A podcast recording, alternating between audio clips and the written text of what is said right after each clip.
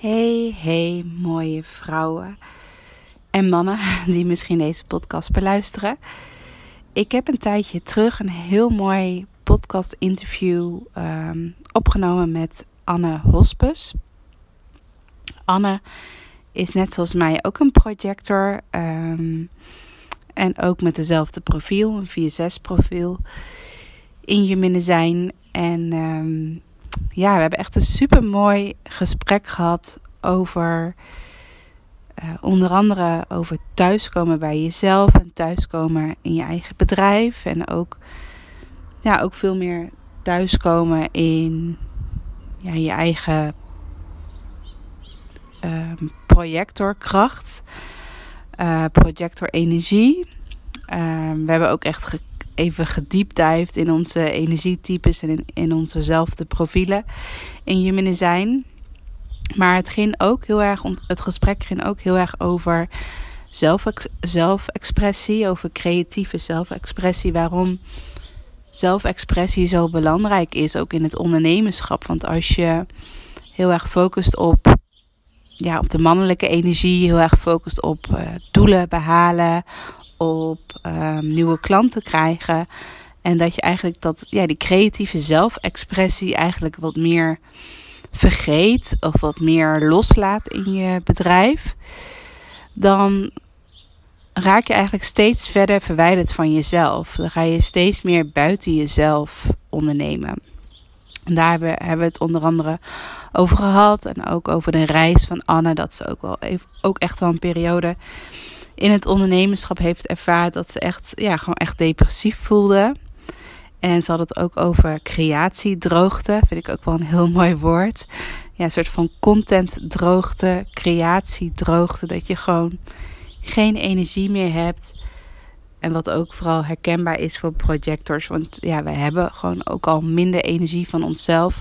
Maar dat je gewoon geen energie meer hebt om te creëren. Dat je, dat je geen dat je de creativiteit niet meer voelt bij jezelf. Dat het eigenlijk, ja, dat je heel erg verdwaald voelt. Uh, dat je heel erg die droogte voelt in jezelf. En uh, ik vind Anne daar echt een super mooi voorbeeld in. Zij noemt zichzelf ook business muse. Geen business coach, maar business muse. Uh, dat vind ik ook super inspirerend dat zij uh, zichzelf zo noemt. En waarom ik in Anna heb gevraagd uh, voor dit interview, omdat ze natuurlijk ook een projector is. Maar ook um, omdat ik haar gewoon heel inspirerend vind op Instagram. Ik heb al een aantal keer ook uh, meegedaan aan uh, verschillende ja, diensten van Anne. En ja, wat ik heel mooi vind is dat Anne echt mijn eigen creativiteit weer heeft laten stromen. Dat zij zo erg de schoonheid ziet in alles de innerlijke en uiterlijke schoonheid. Waardoor het gelijk, ja, als je haar al volgt op Instagram, haar stories uh, ziet. Of als je iets bij haar um, koopt of afneemt. Dan voel je al dat gelijk de creativiteit al meer bij je gaat stromen. Dus daarom uh, dat ik Anne heb uh, gevraagd voor een interview. En um, ja, voor de mensen die nu luisteren. Um, ik wil even heel kort even, even een paar secondes uh, vertellen over mijn nieuwe groepsaanbod. Ik ga dus uh, halverwege mei starten met een nieuw groepsaanbod speciaal voor projectors. Uh, mijn uh, groepsaanbod heet Webdesign Blauwdruk Reis voor Projectors. En als dat je aanspreekt, check dan ook vooral de link in mijn in de beschrijving hieronder of check mijn Instagram Rosanne Raumboen. Uh, of ga neem een kijkje op mijn website. En dan uh, ga, wens ik je nu heel veel plezier bij de podcast met Anne. Doei doei! Hey, hey Anne, uh, welkom bij mijn podcast. Superleuk dat ik jou vandaag mag interviewen. En ik vind je echt een hele bijzondere vrouw. Ik volg je nu de afgelopen maanden eigenlijk best wel intensief. En daarvoor heb ik je volgens mij ook al wel gevolgd, maar dan kwam je niet echt actief bij mij in beeld. Dus het is heel, heel bijzonder hoe zoiets kan gaan. Dus ik ben wel eigenlijk heel erg benieuwd ja, hoe het met je is. En kan je jezelf kort voorstellen wat doe je nu op dit moment? Ja, ik ben, ik ben Anne en ik noem mezelf de Business Muse. Omdat ik niet alleen coach, maar ook mezelf echt zie als inspiratiebron op heel veel verschillende vlakken. Dus ik schrijf ook, ik maak zelf ook podcasts. En als ik met klanten werk, dan stuur ik ook van alles door. Dus van uh, netwerkcontacten tot aan, uh, dit is een PR-kans. Dus, dus Business Muse is, een, is gewoon een, eigenlijk een veelomvattende titel wat heel erg vangt en wat ik doe. En er zit ook iets mysterieus in en dat vind ik eigenlijk ook wel heel leuk. Ja. Um, ja, ga eerst. Nee, ik vind sowieso de naam uh, Business Muse, ik hoop, hoop, dat het goed uitspreekt, maar vind ik sowieso heel, heel pakkend. Het is ja, de, de naam die je natuurlijk vaak hoort, de titel die je vaak, vaak hoort is business coach. En heb jij ook een soort van, ja, als we gelijk de diepte ingaan, voel jij ook dat jij anders bent dan een business coach? Ook omdat je natuurlijk een andere soort van titel hebt? Of, of ja, hoe, hoe zie jij dat? Um, ja, ik, ik denk dat we... Dan... Diepe kan ook natuurlijk. ja, ik, ja, ik denk dat, dat, dat je daarmee meteen ook de, het thema raakt van deze serie. Is dat iedereen is uniek en, en coach is ook maar een label uh, die we hanteren om makkelijker vindbaar te worden. Uh, dus of ik anders ben, ja, iedereen is anders. Um, maar als ik kijk naar waar mijn kracht ligt en waar ik echt in uitblink, en dat heb jij ook mogen ervaren, is dat ik echt een spons ben. Dus ik, dus ik, ik ben heel erg breed geïnteresseerd. Dus ik haal, ik, ja, ik neem dingen op uit zeg maar de modewereld, maar ook uit de innovatiewereld, uit de schrijverswereld. En uit al die soort van bronnen waar ik op ingetapt ben, kan ik dingen teruggeven. Dus als ik nadenk over wat coach echt betekent vanuit de definitie dan. En, en hoe ik eigenlijk ook geschoold ben vanuit de opleiding, korte opleiding die ik heb gevolgd. is dat het heel erg gaat over een coach, is echt om vragen te stellen en niet om te adviseren. Ja. En als ik nadenk over mijn krachten, dan coach ik ook echt, maar ik adviseer ook. En ik ben eigenlijk ook in sommige gesprekken ben ik meer een mentor, maar ik ben ook een inspiratiebron. Dus voor mij um, was het woord coach eigenlijk niet breed genoeg voor wat ik doe en waar mijn talenten liggen. Dus dat is echt zelf een persoonlijke keuze geweest om een andere titel te gaan, te gaan voeren, waar ik zelf ook gewoon meer, ja, meer trots bij ervaar, omdat het beter aansluit bij mijn magie eigenlijk. Ja, ja, mooi. En kan je, kan je een voorbeeld nemen, want ik vind jouw manier van werken en ook hoe je zichtbaar bent, ook onder andere op Instagram en jouw ja, nieuwsbrieven die jij schrijft. Ik, ook een leuk, um, leuk weetje is dat ik eigenlijk, ik abonneer me wel eens op een nieuwsbrief, uh, maar eigenlijk als ik al een paar mailtjes heb gehad, dan, dan schrijf ik mezelf weer uit.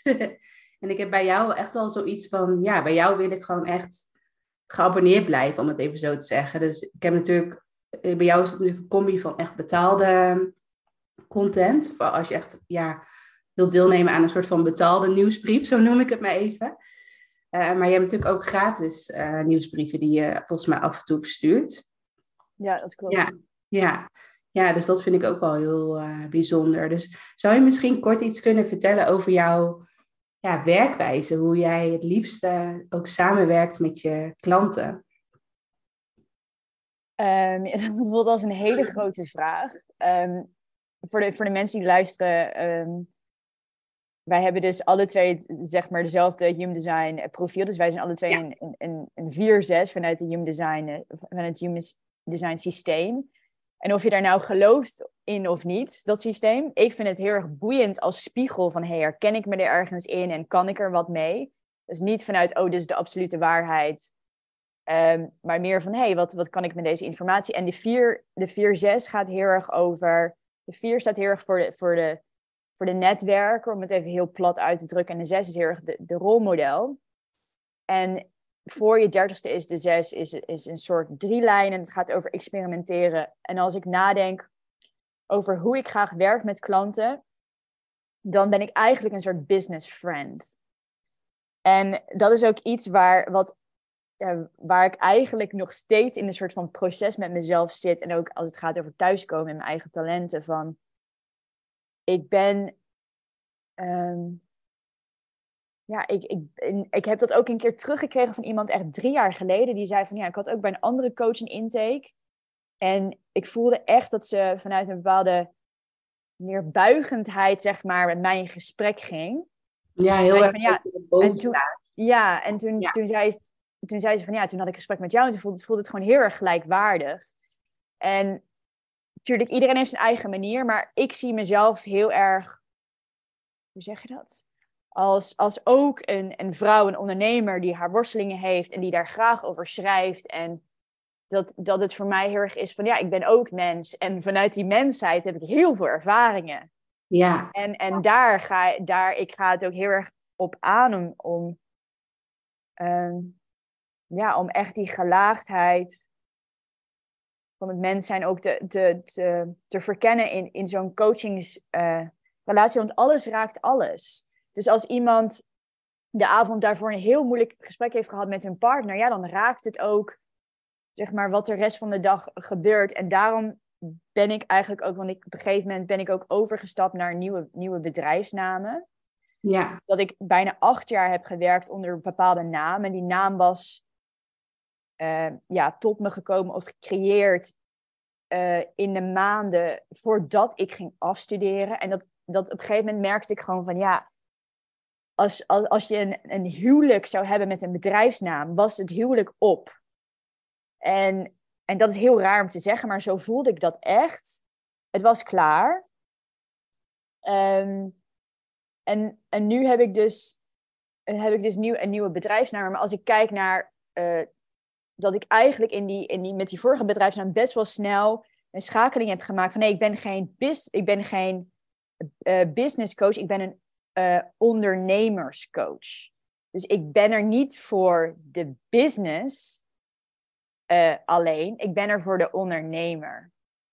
En, ja, en, en dat klinkt misschien als een heel subtiel verschil, maar voor mij voelt dat heel anders omdat ik dus ook werk op de laag van, en, en daar ben ik voor- bijvoorbeeld nu heel erg mee bezig. Dus ik heb dus vorig jaar, denk ik mei, kreeg, kreeg ik soort van echt een hele mooie naam door. soort van door me heen ervaar ik dat dan.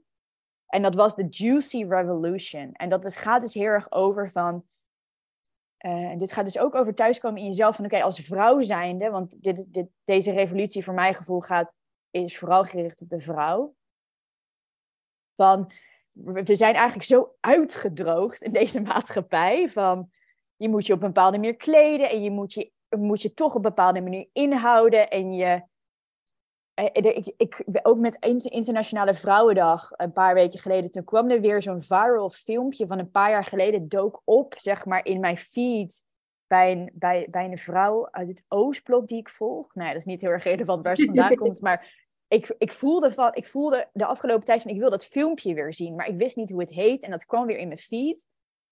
En dat was een filmpje waarin echt prachtig, prachtig gefilmd en geregisseerd met heel veel vette beelden. En ik weet niet of je die ooit hebt gezien, maar het is, het is een filmpje waarin er wordt gezegd, als vrouw eh, ben je te sletterig of te preuts. Je zegt te veel of je zegt te weinig. Je bent te stil of je bent te luid. En met hele Oh ja. modieuze beelden. En dat ik echt voel van, oh, ik heb me daar ook zo in gevangen gevoeld. ja, Oh, je bent te commercieel of je bent te de arme kunstenaar. Een soort van al die, er zijn als vrouw, zeg maar, als je puur kijkt naar alle opgelegde dingen, soms expliciet, soms impliciet in de maatschappij, dan voel ik echt zo'n vuur naar boven komen van ja, als je, als je eigenlijk niks meer mag, dan raak je zo uitgedroogd. Dus voor mij gaat ondernemerscoaching, en, en die, die term gebruik ik zelf niet meer, omdat ik nu de Business Muse eh, label gebruik. Maar ja, het gaat heel erg over van ja, kunnen we weer onze eigen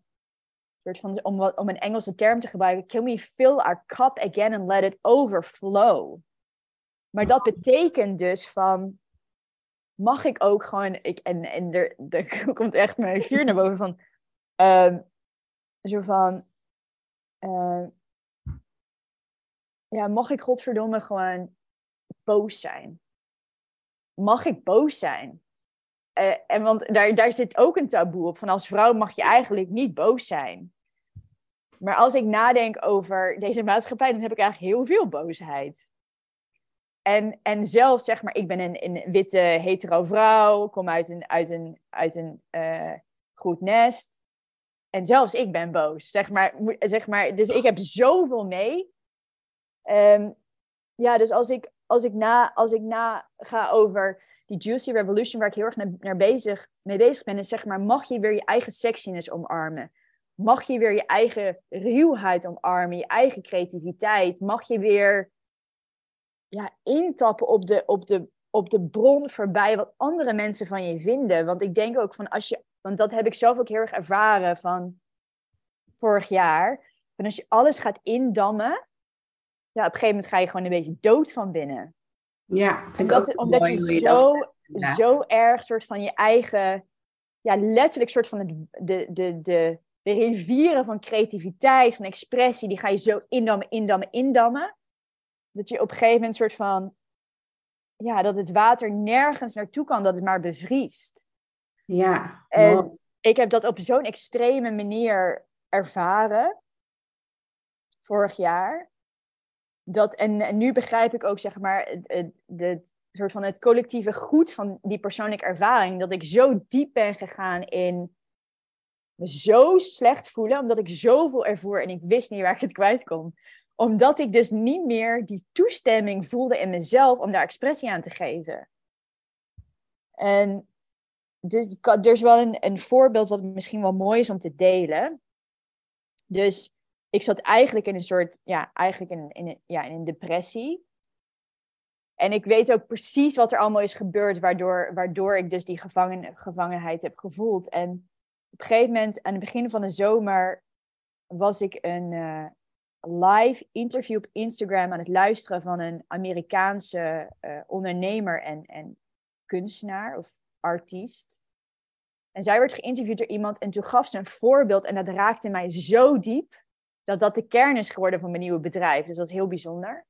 En, en ze zei dat zij soms met vrouwen werkt. Zij heeft ook een beetje een theaterachtergrond. En ze zei dat zij soms met vrouwen werkt. En dan creëren ze zeg maar een hele veilige ruimte.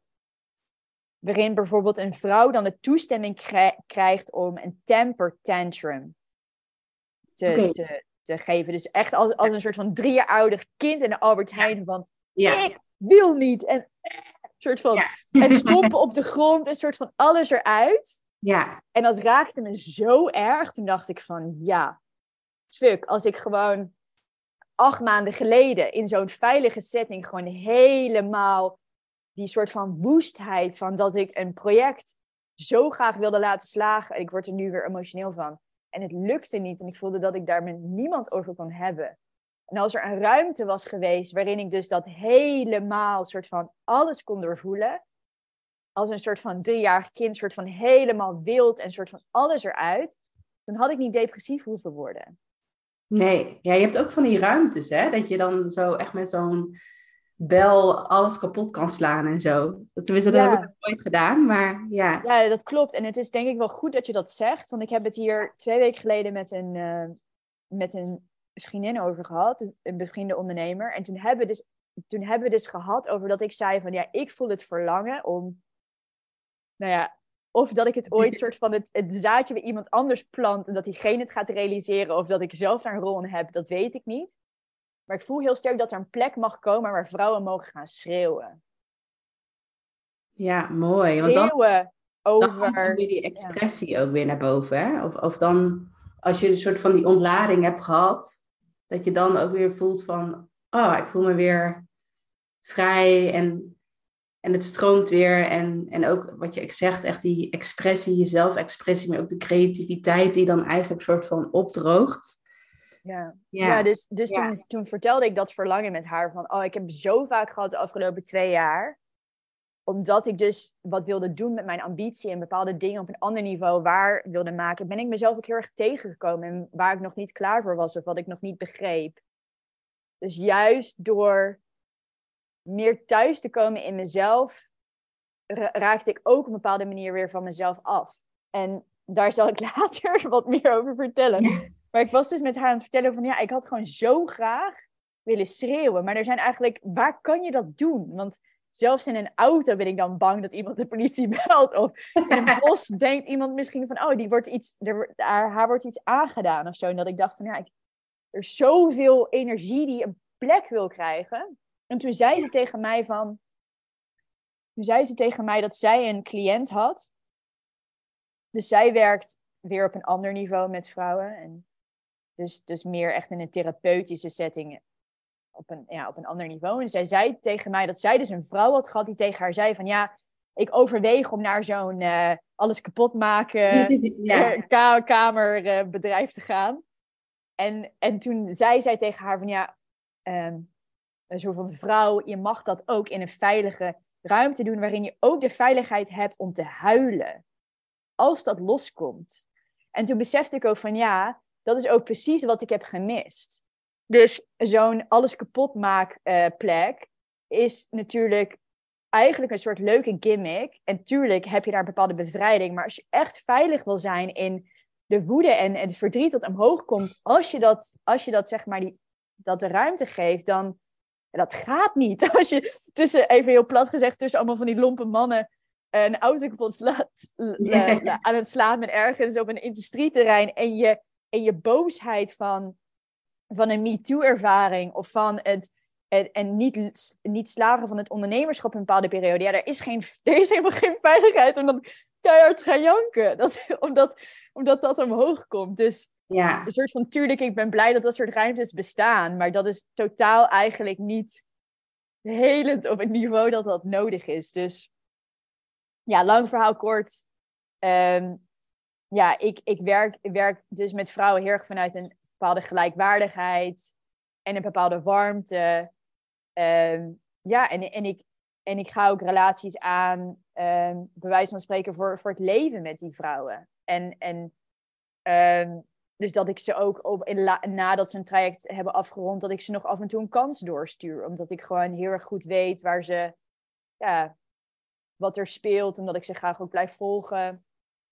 Ja, mooi. Ik vind dat ook wel heel erg de vierlijn hebben hoor. Dat je vier lijn de, in Human Design gaat natuurlijk over onder andere netwerken, maar ook heel erg dat, ja, ik voel ook heel erg dat stukje liefde. Dat je, en dat zeg je ook, dat je echt een business friend wordt. In plaats van een soort van, jij staat hier en, uh, ergens bovenin en jouw klant staat ergens onderin, om het even zo uh, te zeggen. Dus dat vind ik ook wel heel erg bij de vierlijn kloppen. Ja. Ja, ja. Mooi. En ja, je hebt al zoveel dingen genoemd net.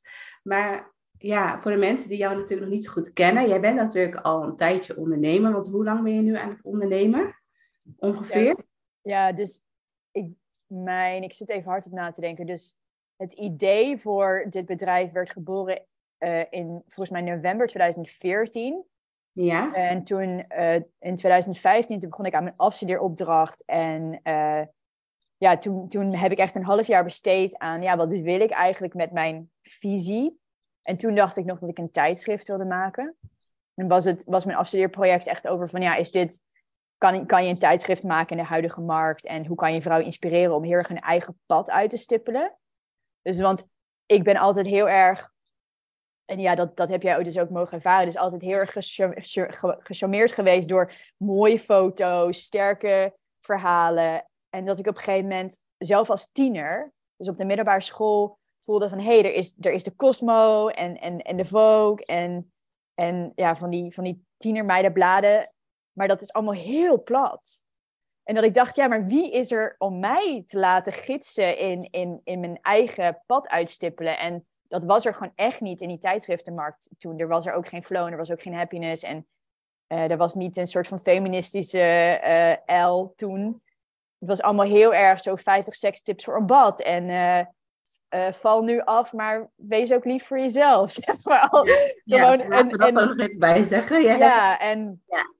Uh, op, een gegeven moment, op een gegeven moment had ik een, een kunstvak. Ik, ik, ik, ik werk dus nu vanuit Portugal, want ik hoor dus allemaal blaffende honden op de achtergrond. um, oh, ik hoor trouwens niks. Oké, okay, fijn. um, is in het, in het kader van expressie en uh, schreeuwen, die, uh, die doen even het goede voorbeeld. Um, ja, dus. Um, oh, ik ben even afge af, afgeleid door, door, door hen. Um, ja, wat ik wilde vertellen is dus, dus als je kijkt naar, naar hoe, dit, hoe dit bedrijf is ontstaan, dus het was, het idee was, ik had een opleiding waarin ik vrij mocht afstuderen, dus ik mocht een eigen project neerzetten een half jaar lang in plaats van bij een bedrijf gaan werken. Mhm. Dus ik heb toen die kans gepakt. Ehm, en dus ik wilde dus gaan kijken van ja, ik, ik wil dus een tijdschrift maken. Een ander soort tijdschrift. En vrouwen helpen gidsen om, om, een, eh, ja, om een eigen weg te vinden. En toen ben ik dus achtergekomen dat er helemaal geen... Ja, dat een tijdschrift eigenlijk een heel passief middel eigenlijk was om vrouwen verder te helpen. En dat het eigenlijk helemaal niet vol, vol, voldoening gaf. Dus ik heb toen als onderdeel van mijn methode heb ik heel veel vrouwen geïnterviewd. En gevraagd van oké, waar sta je nu in, in, je, in, je, in, je, in je proces? Heel veel jonge vrouwen. Dat ze ook aangaven van ja, ik ben aan het studeren of ik, ben, ik, heb, ik heb mijn studie af, maar ik heb nul begeleiding gehad van wat ik wil doen met, qua werk. Of hoe ik mijn plek kan vinden.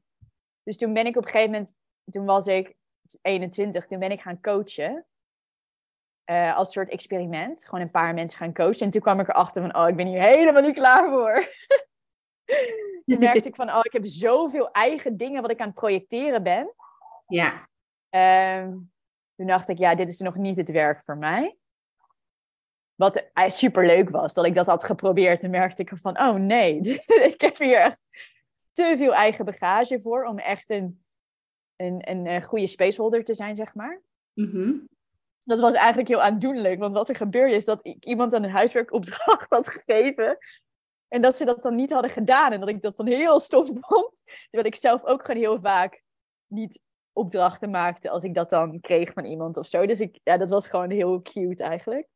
Ja, echt een letterlijke soort van spiegel van uh, dat je dan eigenlijk boos wordt op de ander, terwijl je het zelf ook niet Ja, dus ik dacht, ja, dus ik was de 21-jarige eh, die een tijdschrift wilde maken, die achterkwam dat het, dat het eigenlijk krachtiger was om te coachen, maar daar gewoon nog niet de belichaming voor had. Ja. En toen ben ik, uh, ja, toen ben ik het bedrijfsleven ingegaan. Vanuit, het, vanuit de overtuiging van ik ben ondernemend, maar ik voel nog niet dat ik klaar ben voor het ondernemerschap.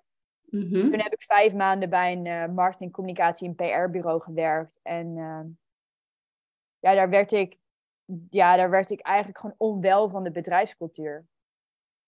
Ehm, ja, dat was gewoon een dynamiek daar, uh, ja, wat gewoon, ja, wat ik gewoon echt niet gezond vond. En dus na vijf maanden ben ik, heb ik vroegtijdig die samenwerking beëindigd, wat best wel heel pittig was. En toen, omdat een vriendin tegen mij zei, zij is ook projector, een vriendin tegen mij zei, uh, van ja, Anne, ik kan het niet meer, ik wil niet meer aanhoren, die verhalen van jou. Jij moet daar gewoon weg. en, ehm, en toen voelde ik ook van, ik wil nooit meer voor een baas werken. Want die, want die cultuur daar had zo'n sterke indruk op mij gemaakt dat ik dacht van nee, ik wil gewoon mijn eigen ding doen. En dat was gewoon ook heel boeiend. Want, ze, want ik weet nog dat die eigenaar, eigenaresse van, uh, van dat bedrijf mm uh, toen ook tegen mij zei van ja, ik zie dat jij talent hebt voor salesgesprekken. En uh, maar ja, we, we, kunnen jou dan, ja, we kunnen jou daar nog niet op die plek zetten. Uh, en toen dacht ik ook van ja. Uh, ja, ik merkte gewoon toen al de frustratie van die hiërarchie. Van, ja. ja, dat was echt gewoon helemaal niks voor mij om dan te moeten wachten om op een gegeven moment ooit daar de beurt voor te krijgen. Ja, inderdaad. Dat, je, dat is natuurlijk wel heel erg hoe het, in het, hoe het normaal gaat in je carrière. Hè? Van dat je ergens naartoe groeit als je vaak in een, in een loondienstbaan zit. Ja, ja. ja dus toen, uh, toen ging ik voor, me, voor mezelf beginnen en toen had ik ook een tijdje een uitkering. En ja, dat, dat eerste half jaar, dat is ook echt een verhaal waar ik een boek over kan, begin van een boek over kan schrijven. Dat was heel, nou ja, misschien is het wel waardevol om daar een stukje over te vertellen, omdat het ook wel gewoon heel intens was. Dus, dus ik, uh, ik had dus een tijdje een, een uitkering gekregen en dat was toen ook nog de start van de crisis. Dus ik, kwam, ik kreeg ook niet zo snel weer iets nieuws. Ja. En, want ik wilde ook niet per se weer meteen de marketing in. Want ik dacht van ja, dat is het ook niet echt voor mij. Um, uh, om met talenten in te zetten om bij wijze van spreken wasverzachter te verkopen of zo. dacht ik ja, nee. En bij simpele baantjes kwam ik ook niet terecht. Want ze vonden mij gewoon te, te hoog opgeleid. En toen had ik dus een tijdje een uitkering. En toen moest ik dus verplicht vanuit de gemeente... moest ik dus afval opruimen. Met een oranje hesje. Ehm, en best wel een chique buurt moest ik dan, vanuit de uitkering, moest ik dus met allemaal hele soort van platte mannen die echt hele nare grappen aan het maken was, moest ik dus in zo'n, werd ik dus, moest ik dus in zo'n busje van de gemeente, moest ik dus met allemaal van die mensen, moest ik dus in een oranje hesje, moest ik afval opruimen in ruil voor een stukje uitkering. Oh my god, dat was dus zo heftig. Ehm, ja, dus zo, zo begon het ondernemerschap. maar wel, wel ehm, ik denk dat je er ook wel weer heel veel van leert, of niet? Van zo'n moment. ja, dat is echt, zeg maar, de hippe wijk van Rotterdam, waar iedereen heel graag koffietjes dronk. Daar liep ik dus rond met echt als een soort half gedetineerde oranje vestje afval op de ruimen. Dat is echt... Ik denk dat ik dat drie of vier keer heb gedaan. Dus toen dacht ik, ik wil dit echt niet meer doen. Dus toen... toen, toen, maar dat was, dat was ook echt de. Volgens mij zijn er maar... Destijds waren er maar een paar gemeenten in heel Nederland... waarin je dus ook echt een terug, teruggabeplicht had. En voor mij werkte het, want ik dacht echt, mij niet gezien om dit nog een keer uh, te doen ik ga, ik ga gewoon, uh, ik, ga gewoon iets, uh, iets vinden daarnaast. Maar die periode was heel pittig. En ik, en ik ben ook zo blij dat ik nu human design heb leren kennen. En nogmaals, ik weet dat er heel veel mensen zijn die er niks mee hebben. Maar ik denk dat mensen die luisteren er wel wat mee hebben. Mij, mij heeft het gewoon heel veel lucht gegeven. Want in die tijd was ik gewoon heel veel koude accu. Wacht, ik klik even op weigeren. Mijn telefoon uh, ging af. in die tijd heb ik gewoon heel veel. dat is op zich wel grappig met wat ik wilde zeggen, heel veel koude acquisitie gedaan. Dus heel veel mensen die mij niet kennen, ging dan mailen en proberen te overtuigen dat ik heel veel mijn mars had. Oh ja, dat en dat ik heel veel afwijzing kreeg, omdat ik niet... Heel bitterheid ook voelen en zo. En ja, dat ik echt dacht... Dat heel veel energie, denk ik. Ja, ja en dat was zo pittig. Totdat er op een gegeven moment een uh, nieuwe coworking space kwam in uh, de stad waar ik woonde. En toen uh, kon ik mijn vierlijn inzetten. Kon ik netwerken, konden mensen mijn, mijn, mijn energie ervaren. En uh, toen, ging het, toen, werd, toen had ik ook weer de vreugde en kon ik ook delen waar ik tegenaan liep. En dat, ja, er ging echt een wereld voor open. Dacht ik, oh, iedereen worstelt met de dingen waar ik in, in worstel. En toen voelde ik me weer helemaal gezien in mijn proces en zo. Maar de eerste maanden, dat was echt hels. Um, ja, dus um, ja, zoals iedereen eh, kom ik van ver. En dan ja. zeg maar 2015. Ja, ik vind het wel uh, mooi. Of in ieder geval, ik volg je natuurlijk al een tijdje. En ik volg je ook nog in de tijd, of wat, me dan, wat ik me nog... Ik herinner me een paar dingen van jou, een soort van highlights die naar boven komen. Een soort van... Uh, en dan een soort van verdwijn je weer eventjes en dan kom je weer omhoog. Inderdaad, ik herinner me dat stuk dat je zei van dat je echt mensen ging interviewen voor je podcast. Helemaal denk ik in het begin. En wat ik me daar heel erg aan herinner is dat je, ja, je had altijd van die hele mooie visuals die je op Instagram gebruikt. Dus dat viel gewoon op. Van dacht oh, wat interessant hoe zij, uh, hoe zij dat oppakte. En een ander ding wat ik me ook nog herinner, dus denk ik weer wat verder in de, uh, of wat verder, uh, wat meer dichter bij waar we nu zijn, om het even zo te zeggen, niet zo heel ver in de tijd. Ja, ik zag gisteren, kreeg dus een melding dat ik volgens mij uh, aflevering nummer, ja, laten we het zeggen, zes. Dat was vier jaar geleden. Dat ik echt dacht, wow, dat is lang geleden. ja, maar wat ik dus ook nog van jou kan herinneren, dat is denk ik ook, ik weet niet, twee of drie jaar geleden, ik weet niet precies hoe lang geleden, maar dat jij, toen was je echt een businesscoach coach of een ondernemerscoach. En toen had je ook hele ambitieuze doelen uh, gedeeld op Instagram. Van zoiets van, ik ga naar de miljoen en ja ik neem je mee of zo, een beetje in die trant. zo, dat is me ook een beetje bijgebleven. En ik ben wel benieuwd, want ik heb ook onder andere ook de podcast geluisterd met uh, Derdere en Suzanne. Ook, en daarin vertel je ook een deel over jouw uh, reis. Dus ik heb, dus ik weet dan al een klein beetje, maar de, de, luisteraar weet het natuurlijk niet. Maar ik denk dat heel veel ondernemers, en daar gaat natuurlijk deze podcast ook over, ook over van wat is nou echt thuiskomen in jezelf en thuiskomen in je bedrijf. Um, dat je, je hebt soort van, bij jou merk ik wel dat je echt soort van alle kanten hebt aangetikt. Dus inderdaad helemaal zo heel laag aan de grond van dat je het afval moet opruimen, maar ook heel erg de hele hoge ambities hebben. soort van dat je heel erg in die frustreerd drang om het even zo te zetten. Dus een soort van, ik, ik vergroot het even uit. Ehm, dat je echt hele ambitieuze uh, doelen had. Ehm, en ja, volgens mij is het bij beide, dus inderdaad, bij, dat je bijna niks hebt en dat je misschien heel succesvol bent, ehm, dat het beide niet voelt als thuiskomen. Dat, dat je beide soort van dan helemaal naar de andere kant toe gaat van, van, van jezelf, om het even zo te zeggen. Dus ik ben wel benieuwd van Ehm, wat je onder andere ook in de podcast vertelde van uh, Derdere en Suzanne, is dat je soort van, ja, ook wel, ik weet niet of ik het goed formuleer, maar dat je ook wel een beetje soort van beschadigd bent. In de zin van dat als je heel erg in de ondernemersbubbel zit, dat je, ja, dat je jezelf wil bewijzen, dat je veel geld wil verdienen, dat je bepaalde doelen nastreeft, dat je bepaalde strategieën gebruikt, dat je een soort van ja, dat je een soort van wil meebewegen, dat je wil meebotsen met alle andere ondernemers die heel succesvol zijn. En dat gaat natuurlijk heel onbewust. Ik moet, ik moet eerlijk zeggen dat dat is eigenlijk niet hoe ik, het, hoe, hoe ik het zelf zie en hoe ik het bedoelde. Dus ik vind het eigenlijk heel mooi dat je dat terugspiegelt. Is dat zo ervaar ik het eigenlijk niet. Dus ik was niet ik was totaal niet bezig met ik wil veel geld verdienen omdat dat hoort of omdat ik erbij wil horen. Nee, ik, wil, ik, zeg maar, ik heb nog steeds de intentie om, om goed geld te verdienen. Omdat ik, omdat ik uh, een bepaalde creatieve visie heb waar ik geld voor uh, in wil zetten. Dus mijn proces van zeg maar thuiskomen in mezelf en die vraagstukken rondom geld, dat gaat eigenlijk helemaal niet over Ehm, de ander. En ik, en ik zou dat even toelichten, want dit is wel een heel belangrijk, denk ik. Is dat wat ik dus probeer te vertellen in die podcast met Derder en Suzanne, is dat.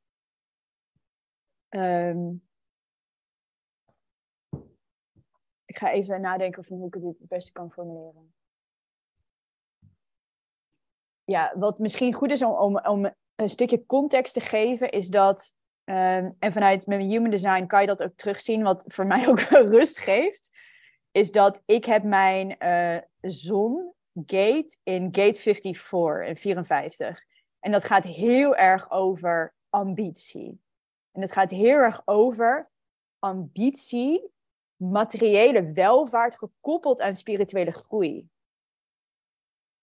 En um, als ik nadenk over mijn reis, is dat ik heb inderdaad aan het begin, um, en volgens mij heb ik dit, heb ik dit wel eens verteld in een, in een interview, maar die is nooit online gekomen, omdat uh, was die iets misgegaan met die computer van diegene. Dus ik vind het heel erg leuk dat ik even dat uitkeringsvoorbeeld heb gedeeld. Dus ik heb inderdaad heel erg soort van die kant ervaren. Maar als ik dat, uh, als ik al die zeg maar, zeg maar low points en high points allemaal uitkleed, dan ben ik gewoon heel erg op zoek, uh, eigenlijk nog steeds, omdat het een proces is, um, naar hoe kan ik expressie geven aan wat in mij zit. En, en daar heb je, zeg maar, voor mij en wat, wat ik wil, heb ik daar geld voor nodig. En ik, ik heb natuurlijk, ik weet hoe je moet ruilen en ik weet dat dat kan. En ik heb dat ook in fases heb ik dat gedaan. En soms doe ik dat nog steeds als dat mogelijk is. Maar als ik nadenk, bijvoorbeeld als je aangeeft van, oh, als ik terugdenk naar wat mij bij is gebleven over jou, dan was het bijvoorbeeld ook die hele mooie visuals van die podcast uh, drie, vier jaar geleden. En dat is dan een heel klein voorproefje van wat ik zeg maar in me heb. En wat ik vertelde over die hele vette um, video van uh, Internationale Vrouwendag met die flitsende modebeelden en en over van, oh, je benen zijn te wijd. Of je zijn te dicht op elkaar. Je hebt te veel make-up en te weinig make-up. En dat is zo'n hoge kwaliteit productie. Echt een soort van bijna Oscar-niveau beeldkwaliteit. Ik heb visies in mezelf voor dat soort producties. En dat ga je gewoon niet doen als je soort van als je moet ruilen. Van hé, hey, als jij deze film maakt van 20.000 euro, uh, ja, dan wil ik je best wel business coaching geven of zo. Dat werkt niet.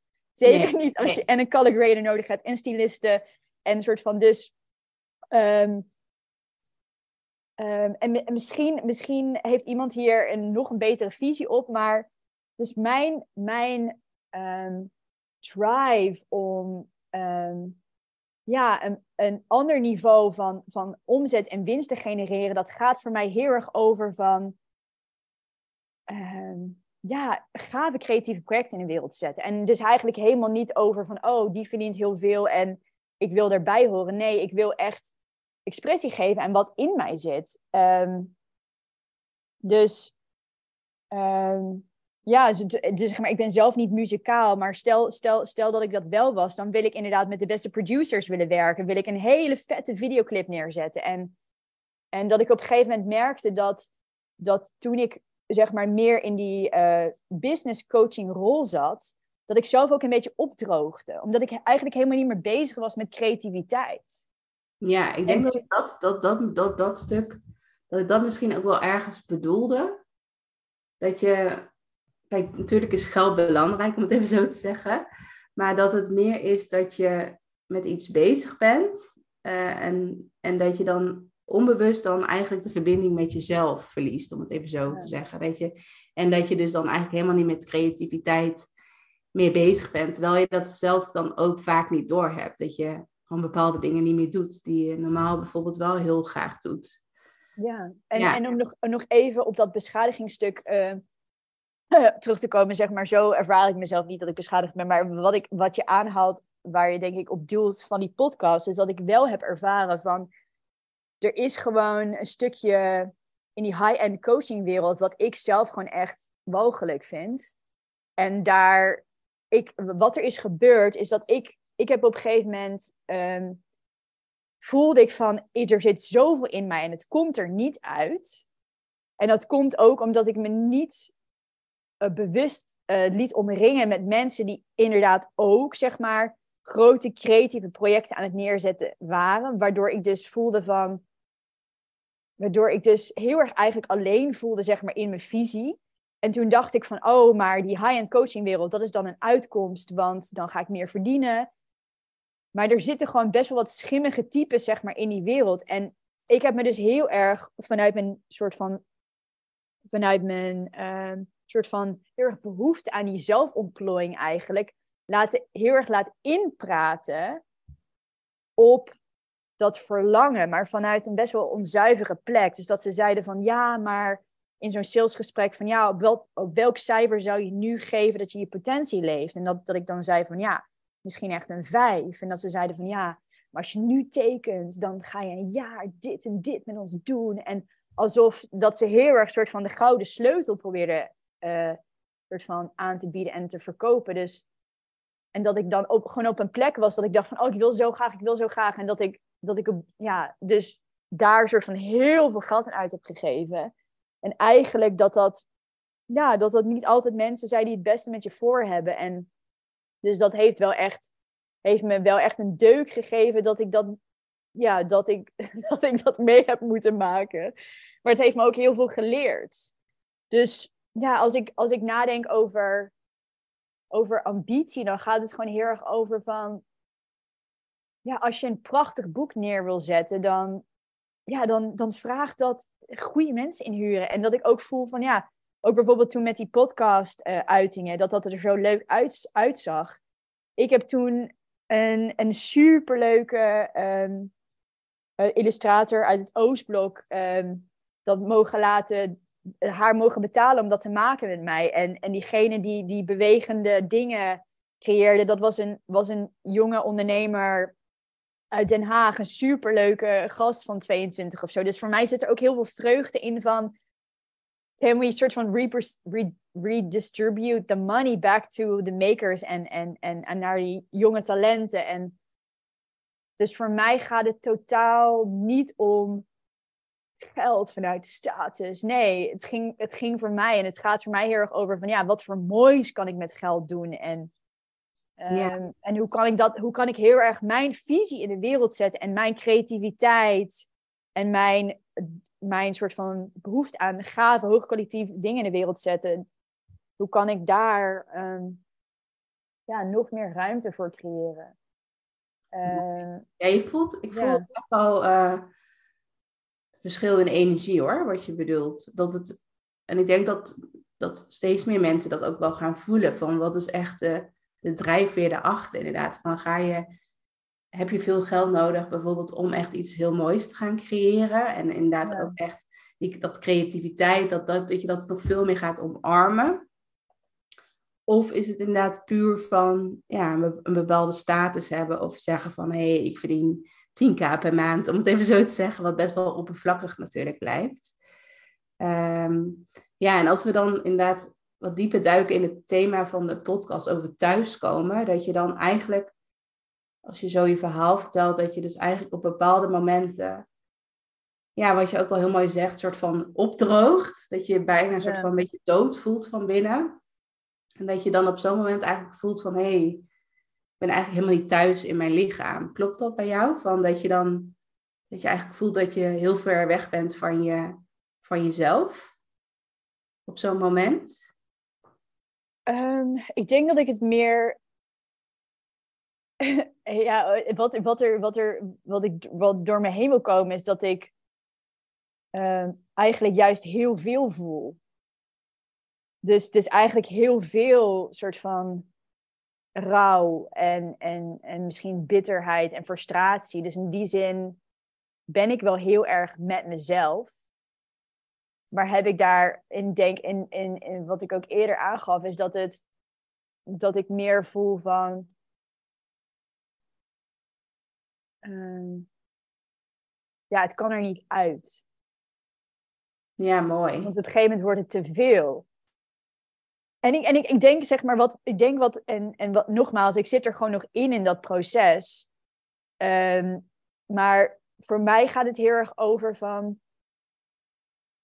um, als ik ook kijk naar, naar, um, naar mijn omgeving, uh, zeg maar, toen ik jonger was, zeg maar, mijn, mijn ouders hebben heel erg mijn avonturen gestimuleerd toen ik naar Parijs wilde en toen ik vrij wilde afstuderen. En toen ik naar de kunstacademie wilde, een half jaar. En dus, dat, dus die hebben heel erg, altijd, vooral ook mijn vader me altijd meegegeven van ja, het is ook zo belangrijk om te doen wat je leuk vindt.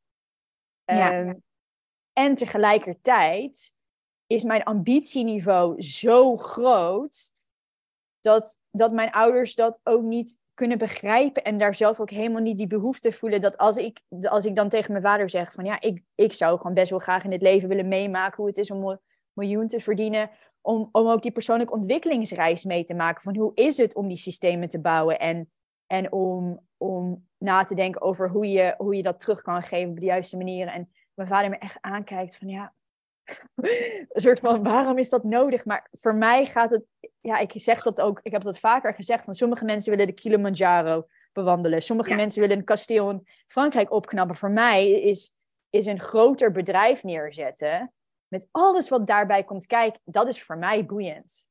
Ja. Ik heb niet zoveel met, met, met, met loodgieters in Frankrijk regelen of met of met uh, helemaal doodgaan op een berg, zeg maar, in, in, in de voorbereiding van ik heb daar niks mee. Dit is zeg maar mijn avontuur. En, maar dat dit mijn avontuur is, heel veel mensen begrijpen dat niet. En dat ik nu op een plek ben van, ja, als je de Kilimanjaro wil bewandelen, zijn ook heel veel mensen die dat niet begrijpen. En hetzelfde met dat kasteel in Frankrijk renoveren. Dus het is heel erg zo van, time to find your people. Ja. En, en, dat, en my people waren dus niet die high-end uh, die high-end uh, mensen waar voor mijn gevoel best wel veel leegte in zit. Uh, maar dat is aan hun om, om, om, om, zeg maar daar wat mee te doen of niet. Maar dat is zeg maar mijn beeld van. Ik resoneerde daar helemaal niet mee. En nee. ook op het niveau dat ik ook naar mensen helemaal niet vertelde dat ik dat had geïnvesteerd. Want ik was er eigenlijk ook niet trots op. Maar ik, ik was gewoon zo erg hongerig naar. Ja, ik, ik, ik, ik, wil iets, maar het lukt niet. En, geef me een soort van, geef me een antwoord. En nu besef ik veel meer van, ja, die antwoorden zitten gewoon op een hele andere plek. En ik heb me te omringen met mensen die graag grote creatieve projecten neerzetten. Daar zit het goud voor mij om met dat soort mensen me te omringen. En ehm, ja, dus echt dat thuiskomen in mezelf, dat voor mijn gevoel gaat het ook heel erg over van thuiskomen in mezelf gaat voor mij misschien ook als vierlijn of misschien überhaupt als mens gaat het ook heel erg over van ontdekken van there are people like me. En vanuit dat gevoel van hé, hey, ik ben niet de enige die soort van een, een, een Oscar-kwaliteit productie wil neerzetten.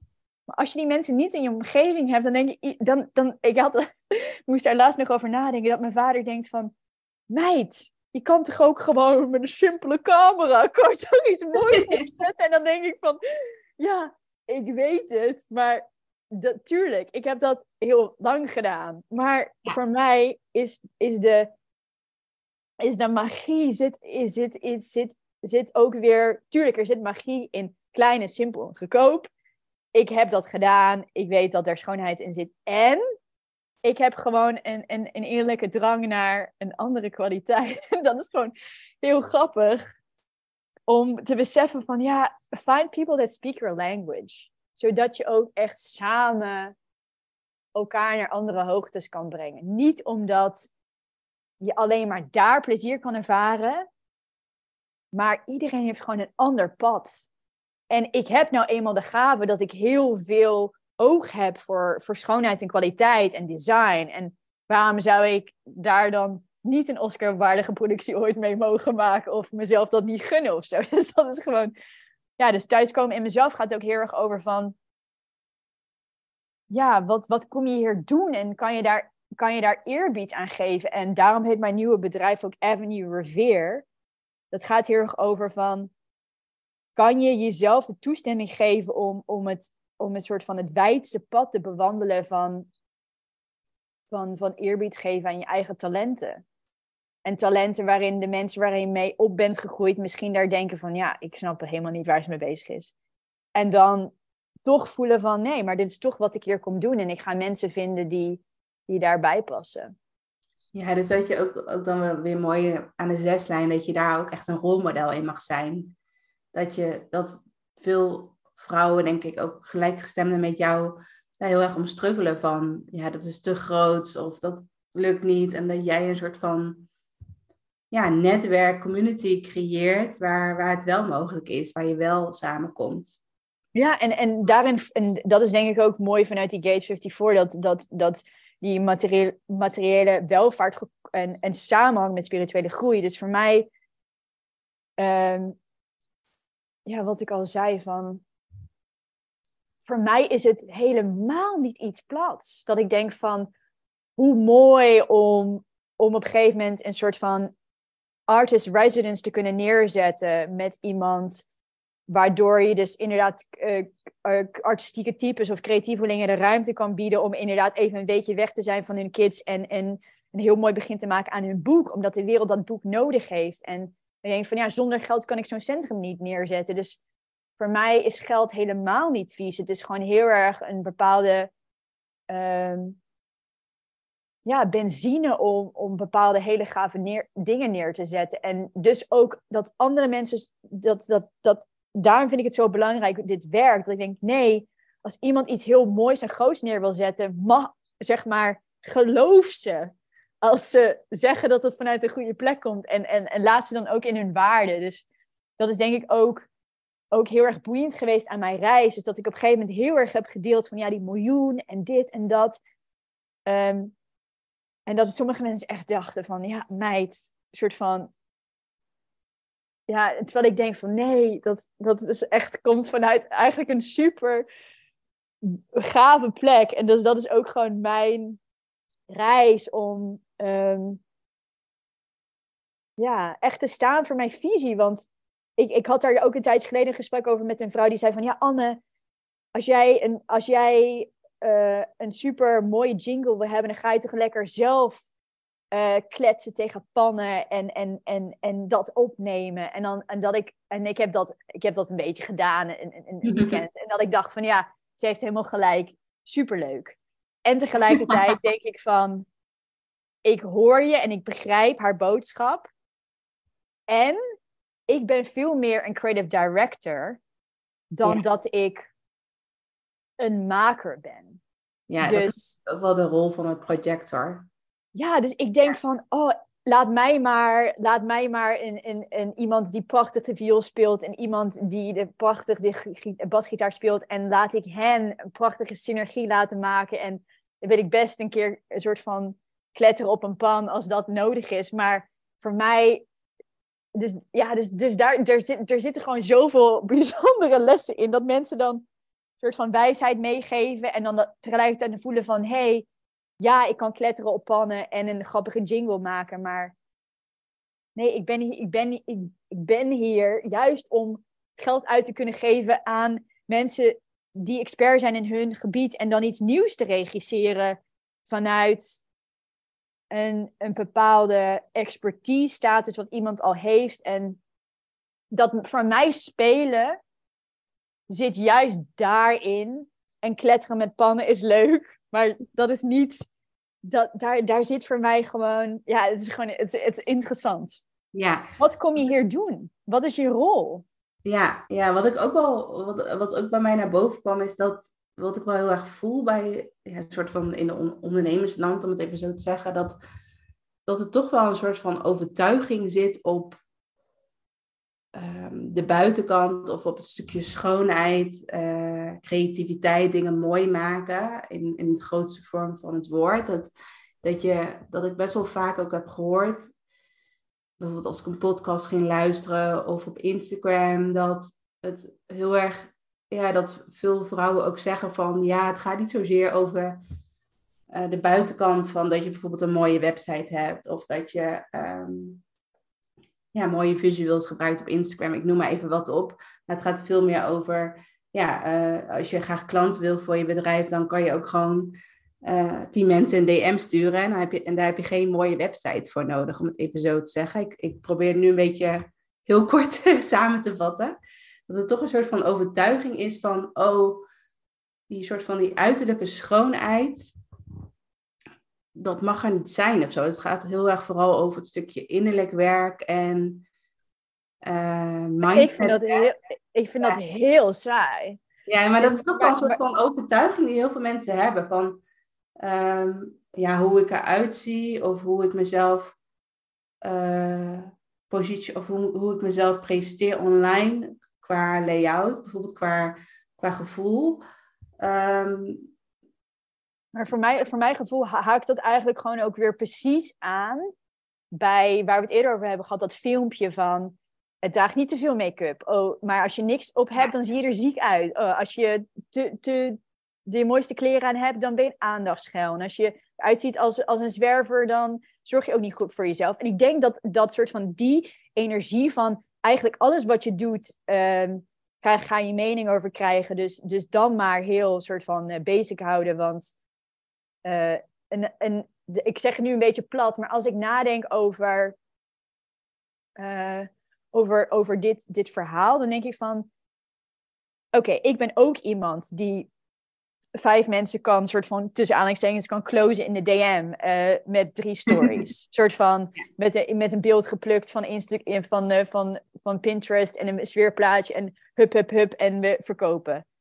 Dat kan. Ja. Um, of, of, of, of, ik wil nog één ding uh, vertellen.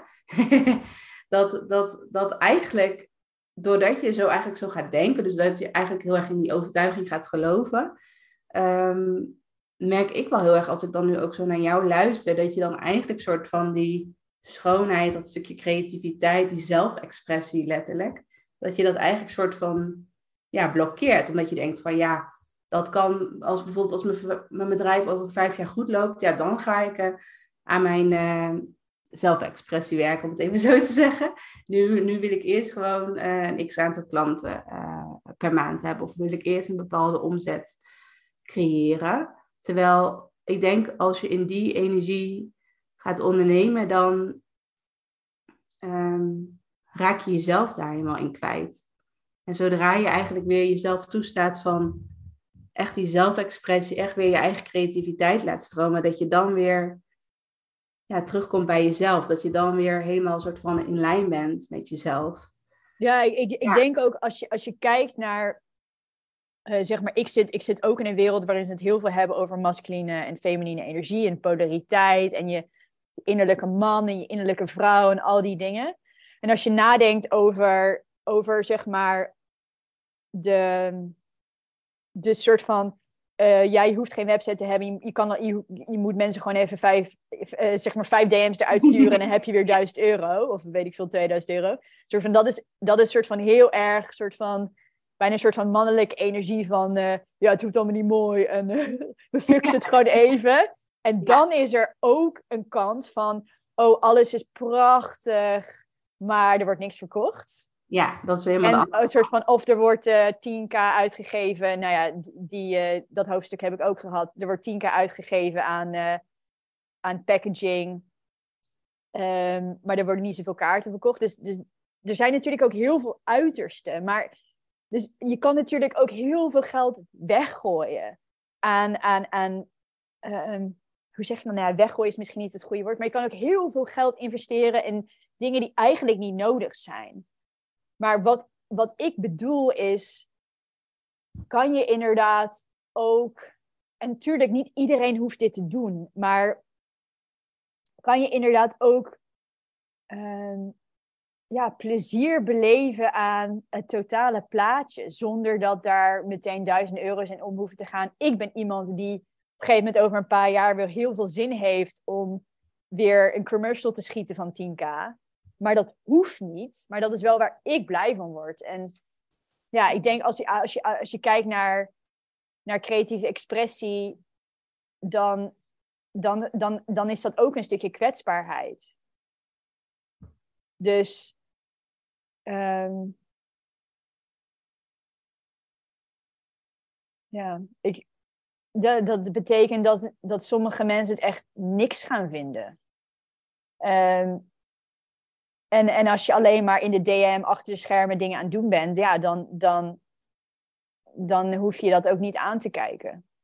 Ja, en stel voor dat de vrouwen nu meeluisteren en dat ze het gevoel hebben dat ze best wel, ja, dat ze ja, het gevoel hebben dat ze niet meer echt thuis zijn bij zichzelf en thuis zijn in hun eigen bedrijf.